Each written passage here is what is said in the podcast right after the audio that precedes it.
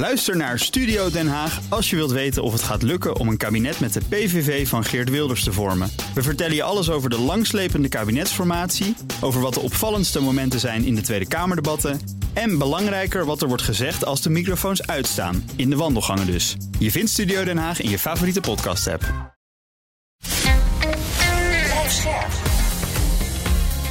BNR Nieuwsradio. Boekenstein en de Wijk. Hugo Reitsma. Dit is een extra uitzending van Boekenstein en de Wijk in verband met de oorlog in Oekraïne en de crisis met Rusland. Het is dinsdag, dag 328 van de invasie. En ik heb voor jullie weer een luisteraarsvraag.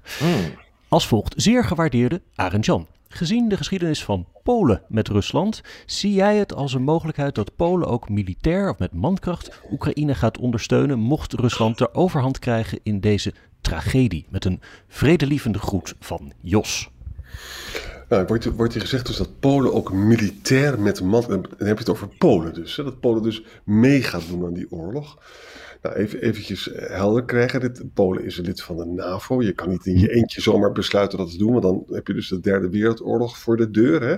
Dus dat is natuurlijk een, een hele dramatische stap. Het is ook een zeer escalerende stap. Waarbij je dus de hele escalatieladder wakker maakt. En kernwapens en zo. Je zou het een beetje kunnen verbinden, jongens, met een echt een heel goed stuk in Foreign Affairs van Daalder en James Goldgar. Het heet The Long War in Ukraine. The West needs to plan for a protracted conflict with Russia. Nou, Kunnen mensen googlen, dan kan je hem ja, vinden. Ja, Ja. Het, is, het is echt heel, een heel goed stuk.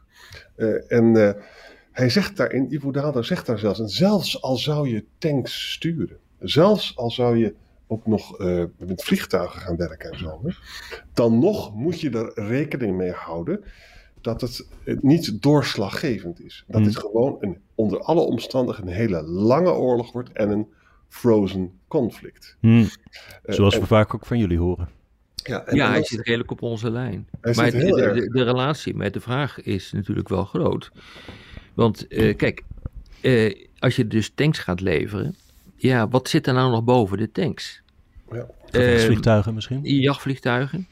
En wie gaat die dan vliegen, die jachtvliegtuigen? Want als je ze, laten we zeggen, over drie maanden nodig hebt, dan is het toch denk ik lastig eh, om even heel snel een aantal ehm eh, Oekraïnse vliegers op te leiden daarvoor. Dat is Hm. gewoon lastig. Hoe complexer het wapensysteem, hoe langer de opleiding eh, duurt.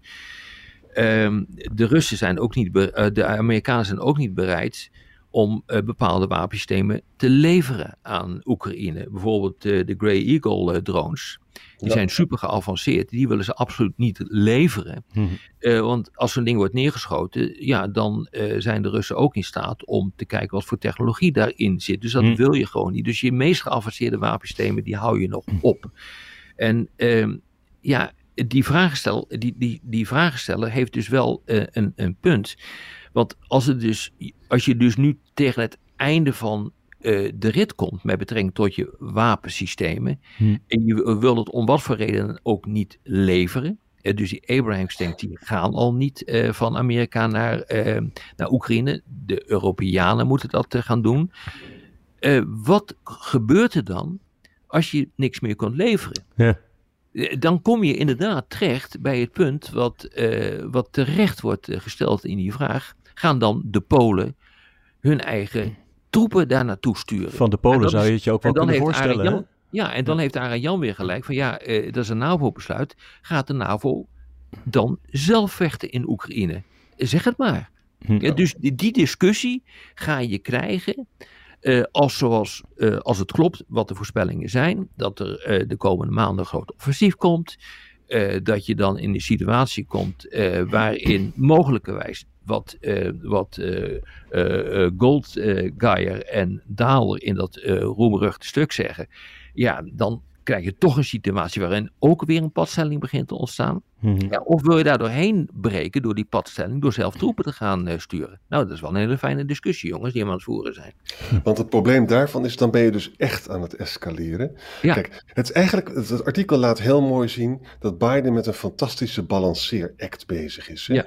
En die eigenlijk, het is gewoon een hele verstandige man. Hij Ja. probeert eh, Oekraïne zoveel mogelijk te helpen, maar hij beseft dat het uiteindelijk toch een padstelling waar dan ook zal zijn. En hij wil kosten wat het kost alvast een derde wereldoorlog voorkomen. Zo is het. Nou, en dus zegt dan uh, Daalder, laten we dan vooruitkijken. Als het Mhm. dus sowieso een padstelling ergens wordt, hè, dan moeten we dus eh, Oekraïne altijd blijven helpen.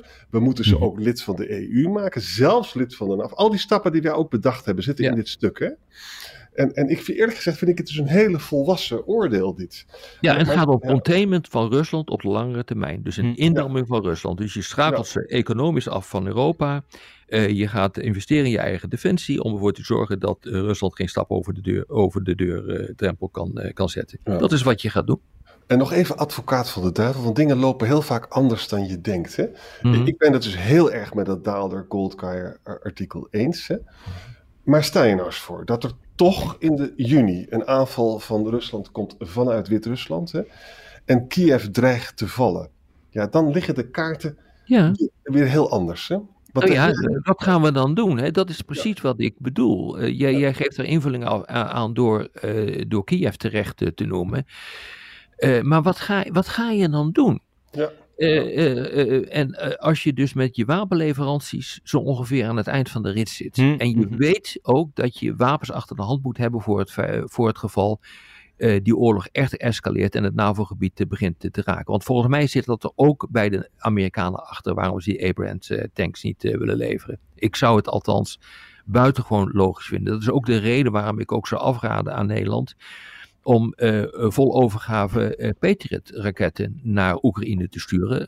Zet die maar eh, neer rond Vlissingen of Rotterdam. Hmm. Eh, zou ik, eh, zou ik eh, willen aanbevelen. Dus ehm, dit is echt een geweldig probleem hoor. Waar ongehoord goed over moet worden nagedacht. Omdat we nu echt in een andere fase komen van de oorlog. ja, alleen maar dilemma's. Hè? Ja, en al die mensen die eh, de afgelopen eh, jaren hebben geroepen van eh, die boeken zijn in de wijk, die benoemen veel te vaak het eh, probleem van de escalatie. Die moeten echt dit stuk lezen, want dit, die escalatie is het, het, het, de kern van het beleid van Biden. Zorg ervoor dat je net niet ver genoeg gaat om te kunnen escaleren. En nu zien ze dat als ze nu nog verder gaan in de leveringen, dat ze echt gaan escaleren. Dat ze rode lijnen gaan oversteken. Ja, en dat willen ze niet.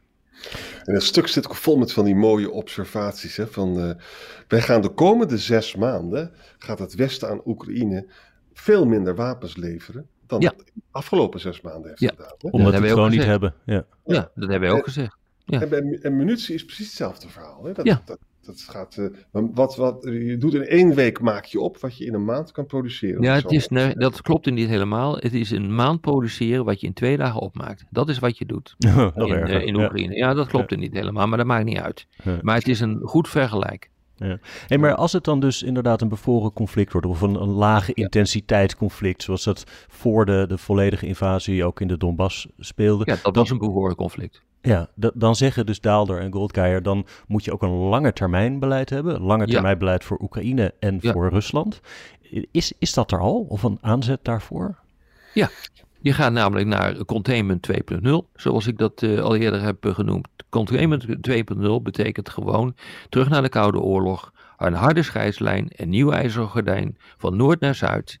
Eh, koppel de Russen zoveel mogelijk af van de, de Europese Unie. Handel wordt eh, in belangrijke mate bevoren. Er zal nog wel iets van contact eh, zijn.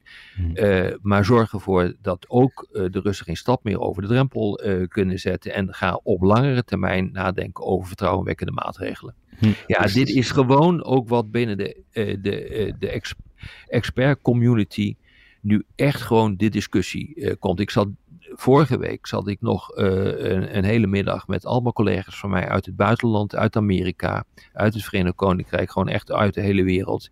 En eigenlijk begint dit gewoon de consensus te worden. Het wordt een bevoren conflict.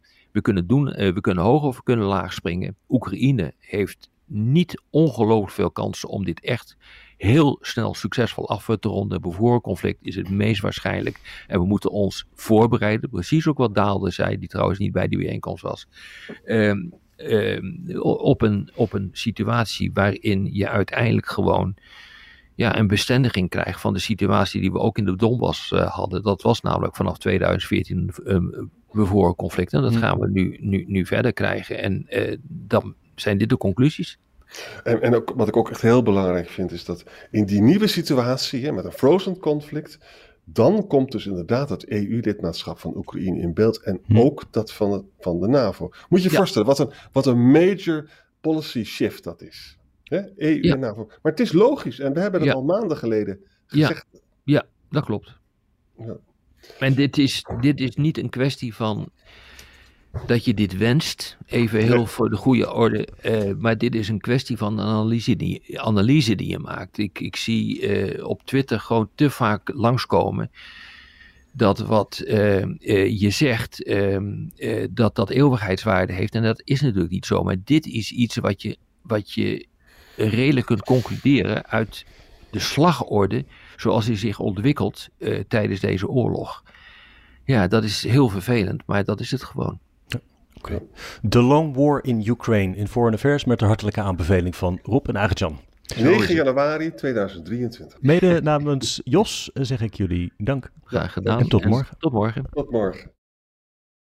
Ook Thomas van Zeil vind je in de BNR-app. Je kunt live naar mij luisteren in Zaken doen, de BNR-app met breaking news, het laatste zakelijke nieuws en je vindt er alle BNR-podcasts, bijvoorbeeld Het Nieuwe Geld. Download nu de gratis BNR-app en blijf scherp.